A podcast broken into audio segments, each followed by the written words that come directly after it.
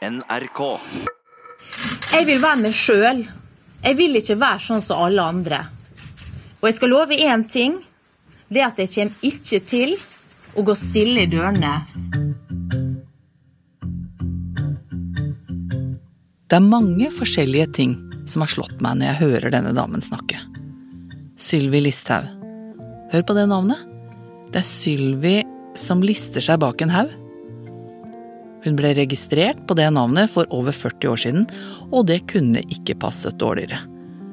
For er det noe denne damen ikke gjør, så er det å snike seg bak en haug og gjemme seg der når noe skjer.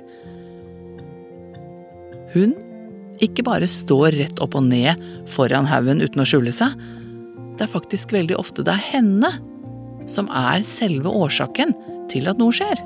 Jeg ønsker ikke å bli tvunget til å være noen andre. Jeg ønsker å være en tydelig politiker. Det kan man tydeligvis da ikke få lov til å være i Justisdepartementet, og da velger jeg å gå til Stortinget. Og noen ganger har jeg tenkt å, det kunne vært deilig å vært Sylvi Listhaug. Jeg snakker om eh, hudtykkelsen. Min hud føles i sammenligning som en tynn og skjør og sandpapiraktig greie. Noen ganger så har jeg fantasitanker om at Sylvi Listhaug gikk i min barneskoleklasse.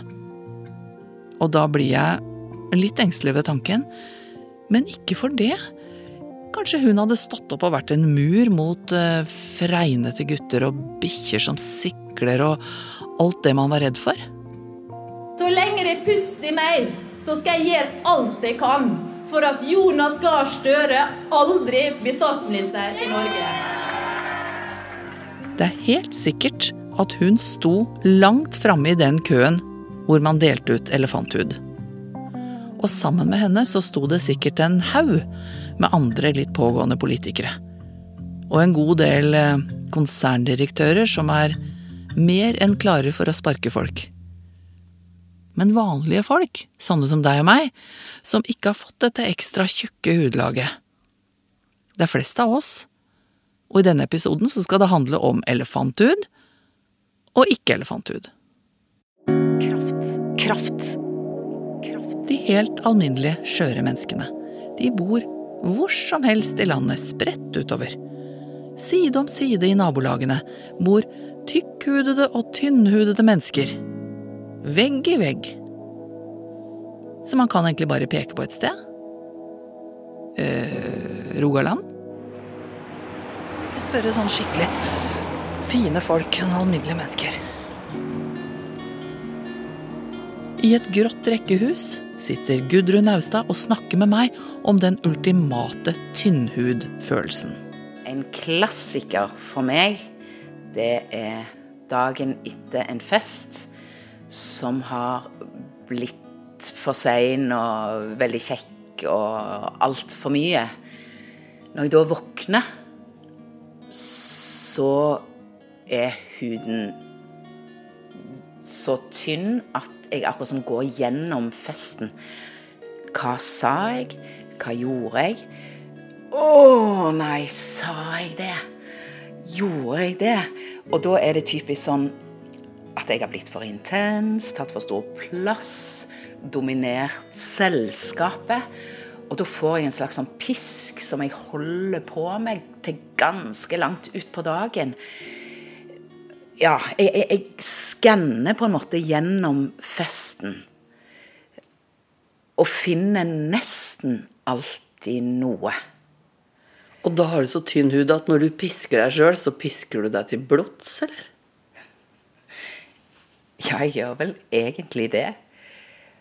Og da er jeg på en måte ikke i stand til å heve meg opp og se hvor galt var det egentlig.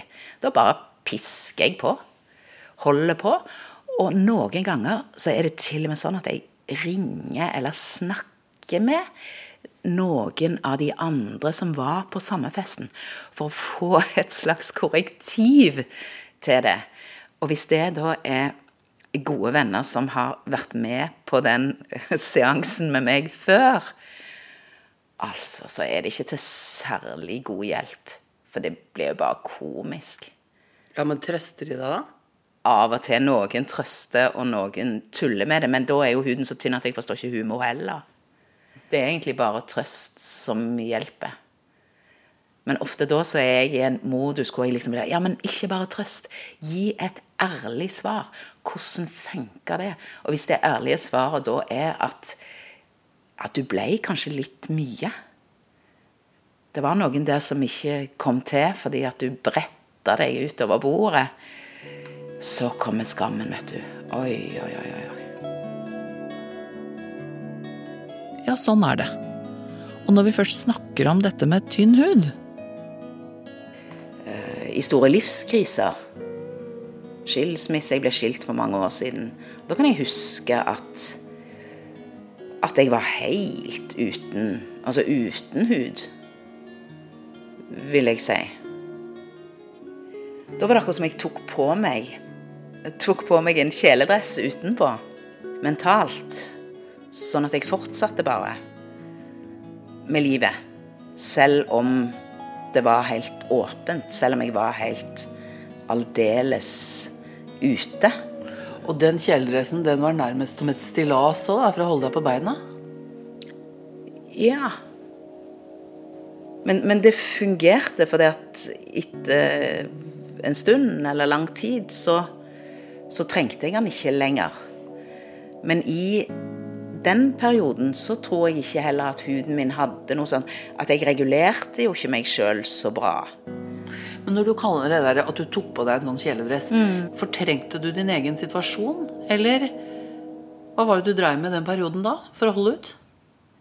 Jeg tror jeg prøvde å beskytte meg sjøl. Utsette, da? Ja, for det er um, vanskelig å ta inn alt på en gang. Frykt for å falle sammen, gå i stykker. Og da var det en måte å holde meg sjøl oppe på. Og så etter en stund så kunne jeg kjenne mer etter. Og så når du kunne ta av deg kjeledressen til slutt, så hadde du Så hadde huden vokst ut, på en måte. Ja. Ja. Så kanskje det er sånn i de periodene hvor man er nærmest hudløs. At man må bare ta på seg et slags sånn hjelpetiltak. ja. Og så ha det på seg en stund. For for å helt tatt holde ut. Ja, jeg, jeg tror jo vi er veldig forskjellige der, men det har liksom vært min eh, strategi. Jeg kunne ikke åpne eh, mitt innerste for alle kollegaer, bekjente, forbipasserende. Du kunne jo ikke stå på bussholdeplassen her borte. God dag, ja, dette er Gudrun, jeg er hudløs, og Ja. når går den bussen? Ja, ikke sant? Ja, for, for det er viktig òg å, å ja, bli møtt. eh, Være trygg på å bli møtt, da. Ja, det hadde tatt seg ut. Å stå på bussholdeplassen. Gudrun har altså funnet ut at det går an å kle på seg noe rundt den tynne huden i vonde faser. Og bare la tiden jobbe litt. Fortsette å puste og fortsette å leve, og så er min erfaring da at huden gror, eh, gror seg til og blir fleksibel sånn som man skal være etter hvert. Det er utrolig godt å høre deg si det, som har opplevd det. At det, at det faktisk går seg til, på en måte. da. Ja, det gjør jo det. Ved et slitt kjøkkenbord i et helt alminnelig rekkehus sitter altså Gudrun og forteller kloke ting om det hun har erfart.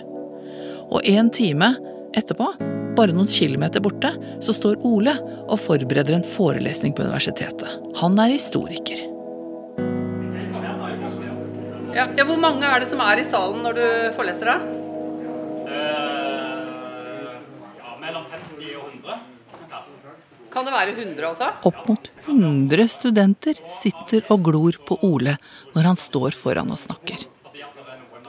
Det blir 200 øyne rett på deg. Og hvis du da kjenner deg litt tynnhuda Ja, du bruker mikrofon? Ja. Når jeg møter de første gang, og de sitter da, og da merker jo blikkene at de er veldig observerende og ser på meg, måler meg opp og ned, og tenker nok litt om hva, hva type er dette her? Denne typen heter Ole Kallelid, Og han ser ut som en helt vanlig lektor på et universitet. Og er det. Han har jeans og rutete skjorte, og skjorta er oppi buksa noen ganger, utenfor andre ganger, og kanskje noen ganger både og. Briller, og han blir hvit på fingertuppene. Fordi han uten å vite det ruller krittet mellom fingrene mens han snakker om økonomisk politikk i mellomkrigstiden. Jeg føler at jeg ikke blir uh, iakttatt eller vurdert som den som jeg føler meg som sjøl. Fordi Ole bare er en lærer, ikke et helt menneske for de som sitter der. Men Ole er jo et helt menneske. Og selv om han ofte sover godt om natta, så kan det jo hende at han ikke har sovet så godt akkurat i natt. Mange ganger i mange år følt at eh, de ser på meg og undres litt over kan han dette faget godt nok? Altså, hvorfor skal han forelese for oss? De måler meg opp og ned for å Tror du de kikker på kroppen din og på klærne dine og hårfrisyren og sånn? Ja, det tror jeg. Og det som er det litt fine i den rollen, er at jeg har en for...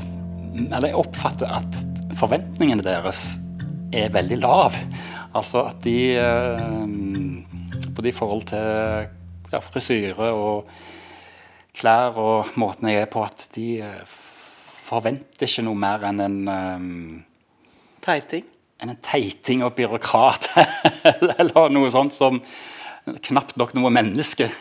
sånn at uh, Så du starter liksom på så, null? Ja. Så rett og slett så jeg føler at jeg har egentlig Jeg føler liksom alt det jeg gjør, jeg, har, jeg kan bare vinne på det. For det, det, det er lite forventninger ute og går. De blikkene som jeg får, føler jeg først og fremst er mønstrene. Og at de er liksom vanskelig å tolke utover at de er mønstrene. Sånn at de kikker litt opp og ned, og om det er en knapp åpen eller en gylf åpen eller noe, så så vil jeg ikke få noe sånn direkte korrektiv som jeg kanskje ville fått i en annen sammenheng med venner eller kjente eller uh, med andre, men de bare konstaterer nesten at sånn er det. Føler du deg naken, da, på en måte? Utsatt? Ja, det gjør jeg. Og så føler jeg nok at jeg er At jeg er aleine mot alle de. Uh, og når de da sitter med disse åpne, litt granskende blikkene og notatblokker, store blokker som er tomme, og de sitter med pennen i hånden, klar til å Så um, Og så er det pause i forelesningen, og så kanskje du går ut. mm.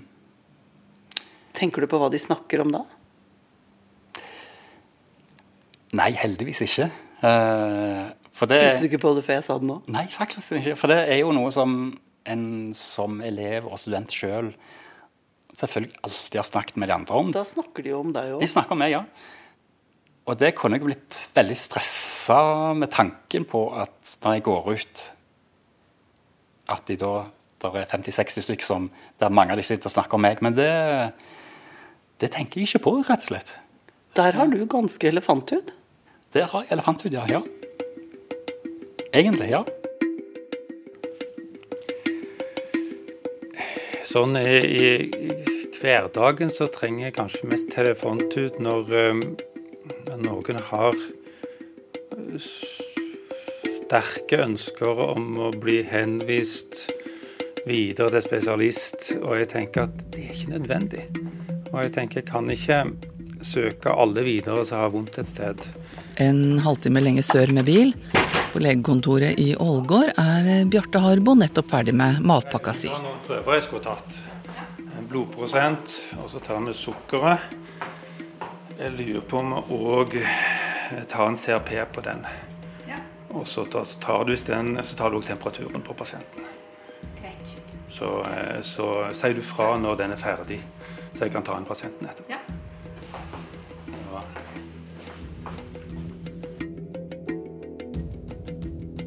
Ja. Hvis, de, hvis de er redd for at de har en alvorlig lidelse, sant? hvis de tenker de har kreft, Hvis de sier de har vondt i magen i tre-fire dager, og dette kan jo være farlig, så må jeg holde igjen litt og si at vi, vi kan finne ut litt her. Vi har tillit til, din, til den vurderingen jeg gjør her. For du sier ikke bare at det er helt naturlig å ha vondt i magen tre-fire dager.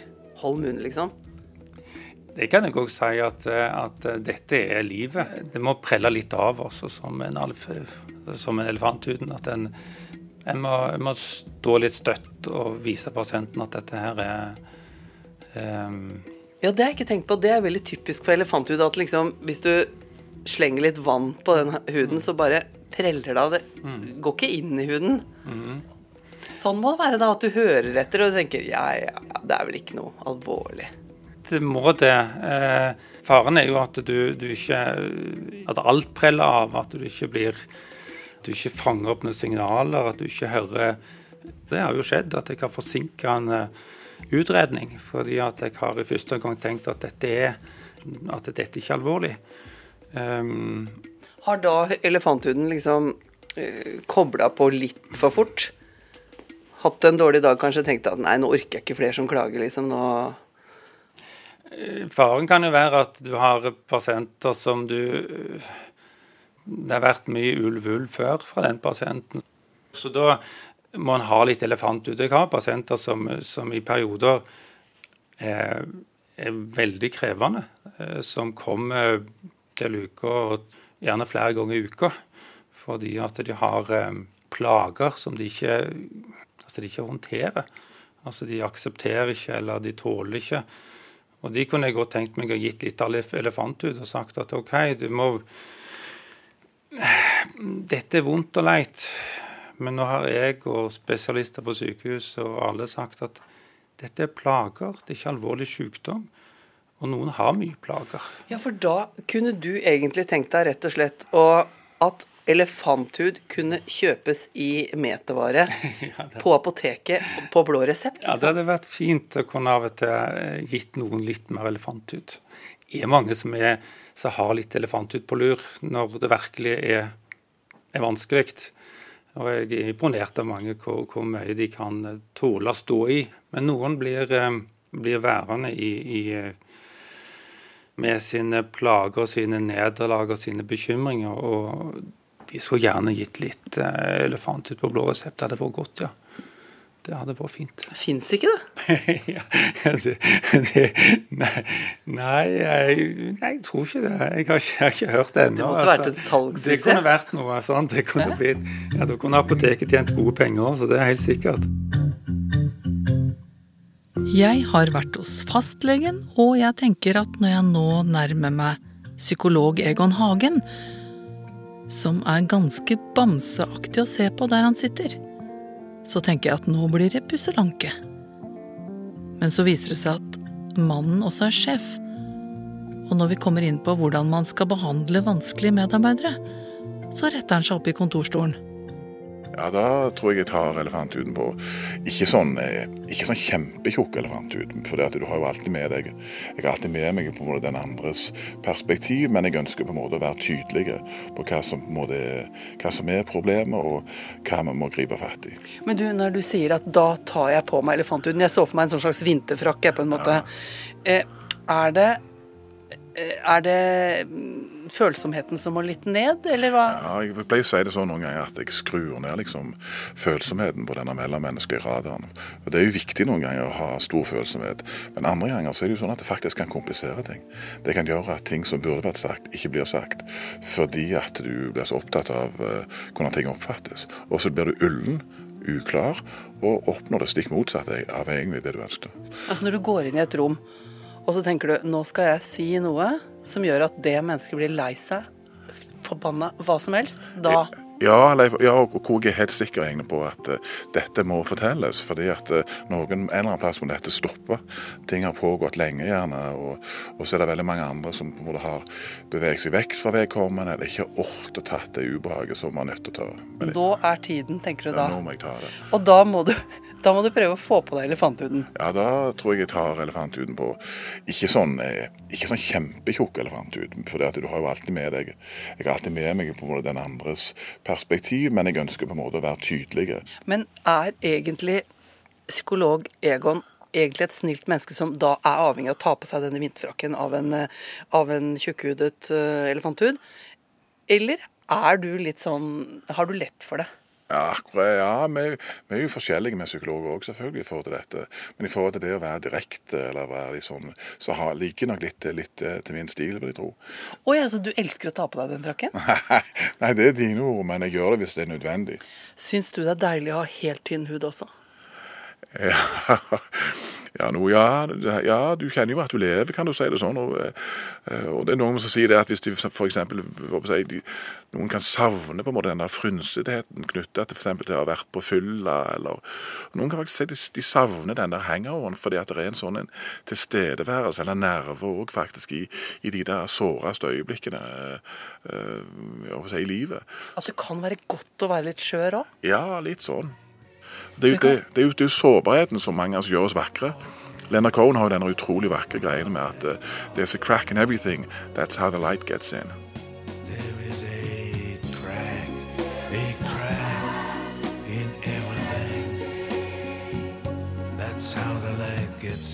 Og når de da sitter med disse åpne, litt granskende blikkene og notatblokker, store blokker som er tomme, og de sitter med pennen i hånden, klar til å Så føler jeg nok ja, at det er noen forventninger der. Hva sa jeg?